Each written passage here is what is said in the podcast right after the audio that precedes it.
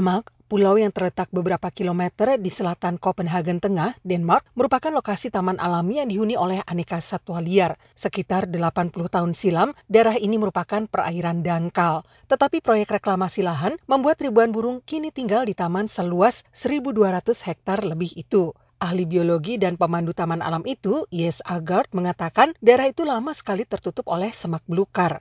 Ketika diambil alih, pohon-pohon di daerah itu dibersihkan. Hewan ternak didatangkan untuk merumput di sana. Seiring dengan itu, burung-burung membawa benih. Sebagian tumbuh menjadi tanaman bunga atau tumbuhan lainnya. Kemampuan tumbuhan untuk beradaptasi dengan perubahan iklim bergantung antara lain pada hewan, seperti burung yang menyebarkan benih tanaman. Dalam makalah yang diterbitkan baru-baru ini di jurnal Science, sekelompok peneliti internasional memperingatkan bahwa kemampuan itu dihambat oleh lenyapnya burung atau mamalia. Pakar ekologi dan penulis utama penelitian itu, Ivan Fricke, mengemukakan. About half of all plant species rely on animals. Sekitar setengah dari semua spesies tumbuhan mengandalkan hewan untuk menyebarkan benih. Karena hewan semakin langka dalam apa yang disebut Fricke dan para peneliti lainnya sebagai kepunahan massal keenam, ketiadaan hewan tersebut akan berdampak pada tumbuhan. Dengan hilangnya keanekaragaman hayati, hilang juga hewan-hewan penyebar benih di dalam ekosistem mereka. Hewan seperti burung dan mamalia ujar Frike, berperan besar dalam ekosistem mereka sebagai penyebar benih. Frike dan para peneliti lainnya berusaha mengukur sejauh mana masalah ini. Salah satu gagasannya adalah menggunakan sistem komputer untuk menggabungkan data mengenai kehidupan tumbuhan dan hewan di berbagai kawasan.